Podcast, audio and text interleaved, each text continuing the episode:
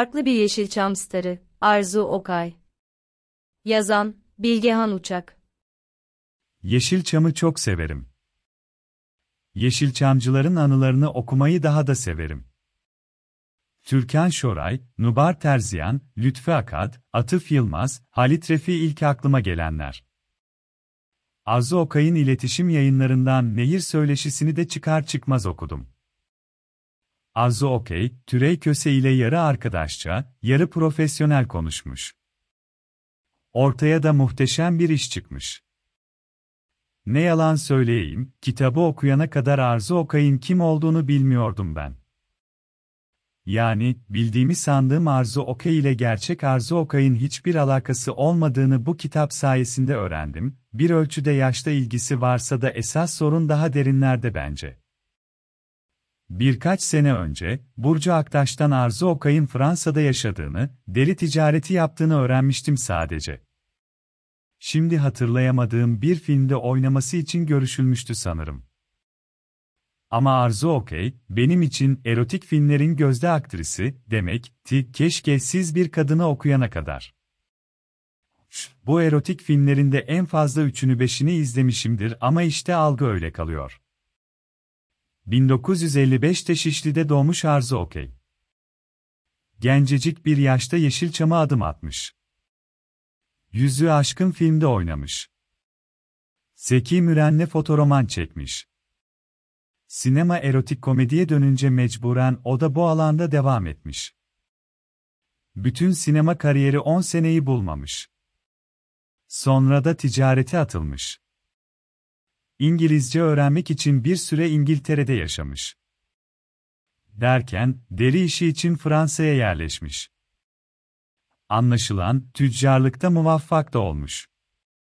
Sadece para kazanmak hayatına mana katmayınca sosyal sorunlarla da ilgilenmiş. Aktivist olmuş. Ayhan Işık'la, Kadir İnanır'la, Müjdat Gezen'le oynadığı filmlerden bazı anekdotlar anlatıyor. Birbirinden samimi ve çarpıcı.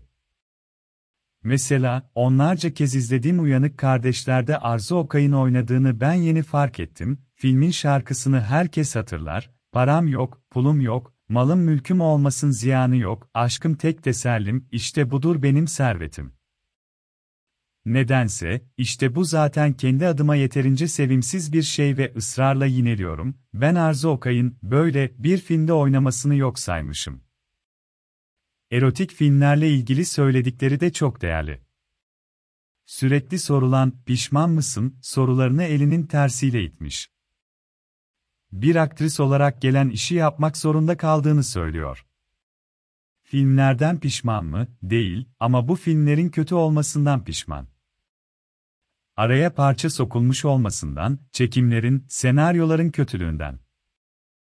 Bu da oyuncunun suçu değil elbette ve Tanrı Kadını Yarattı gibi bir film çekilseydi belki Türk sinemasındaki erotizmde çok daha rafine bir yere gelebilirdi. Erotik film furyası başlamadan birkaç sene önce, Yeşilçam'da moda kovboy filmleriyken Arzu Okay'ı o rollerde görüyoruz.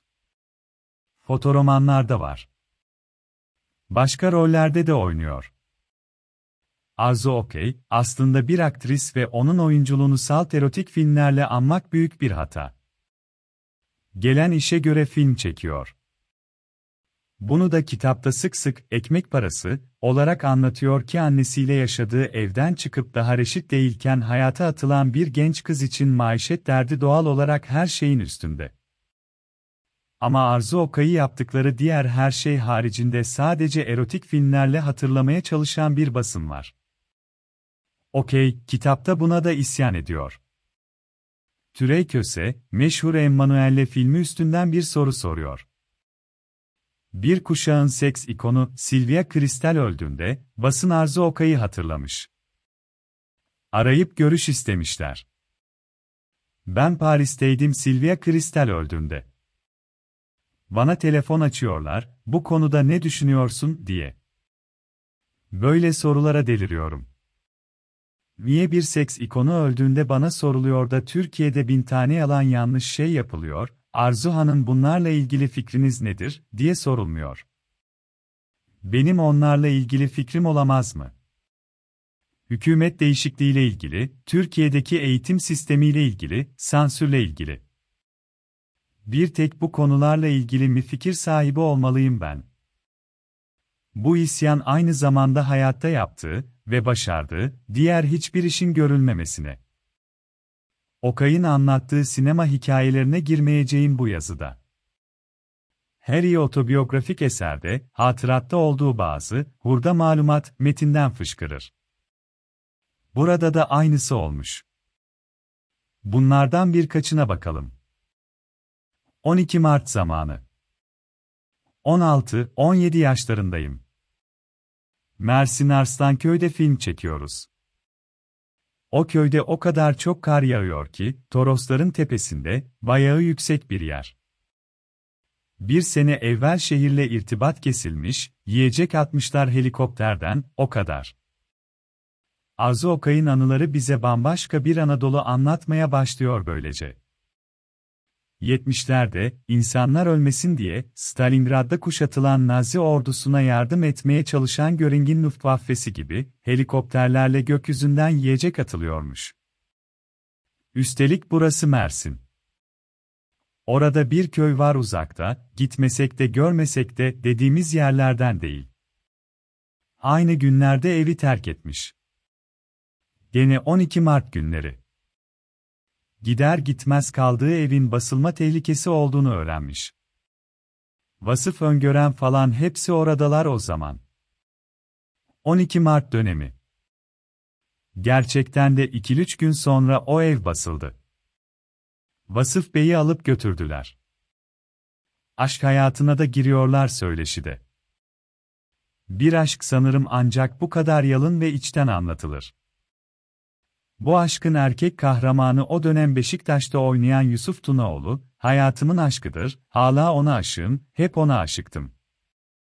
S40, bu ilişkinin sonu çok hüzünlü bitmiş. Her büyük aşk gibi bir türlü tam olarak birbirlerine kavuşamamışlar ama kopamamışlar da. Zamansız, ani bir ölümle sona ermiş. Ölmeseydi yine barışırdık biz. Biraz da eski İstanbul'u okuyalım, o zamanlar Tarabya plajı var, denize girmeye oraya gidiyorduk. S41 gene bu kitapta o meşhur Mecidiyeköy'ün, dutluk, olduğu zamanları hatırlatıyor Arzu Okey. Çocukluğu o dutlukta geçmiş, İstanbul Mecidiyeköy'de büyüdüm ben. Mecidiyeköy'de annem bir ev satın almıştı ama elektriği, suyu yoktu, kurtuluşa gittik. İlkokul biri Kurtuluş'ta okudum, sonra o eve elektrik, su geldi. Evin arkası dutluktu, hep dut ağaçlarının tepesindeydik. Bizim evden sonra aşağıda Gültepe vardı, arası da boştu. Yamaçta dutçular çadırlarını aşağı kurarlardı, biz yukarıdaki dutlara tırmanırdık. Hayatının bir döneminden sonra siyasi ve toplumsal konularla iyice haşır neşir olmaya başlamış. 2015 aralığında Diyarbakır'daki bir yürüyüşte bacağına plastik mermi gelmiş. O arada özel tim girdi içeri, hepsinin sadece gözleri ve elleri açık. İstediğimiz sadece barış, başka bir şey istemiyoruz, insanlar ölmesin diyoruz. Bulduklarına giriştiler, hayatımda o anı unutamam. İnsanın insana vurduğunda çıkan o sesi unutamam. Gaz bombası, su hiçbir şey. 77'nin 1 Mayıs'ında da meydandaymış Arzu Okey. Çevresi hep sol eğilimli kişilerden oluşmuş. Özellikle Paris'te iş hayatında başarılı olduktan sonra renkli bir hayat sürmüş. Yılmaz Güney ile, Talabani ile tanışmış. Aslında bütün hayatı duyarlılıkla geçmiş. Maalesef ben bu kitabı okuyana kadar Arzu Okay'ın bu yönünü bilmiyordum. Kimilerine göre Türk sinemasının Brigitte Bardot'su Arzu Okey. Ben çok geç keşfettim. Siz benim kadar geç keşfetmeyin ve hemen, keşke siz bir kadını okuyun derim.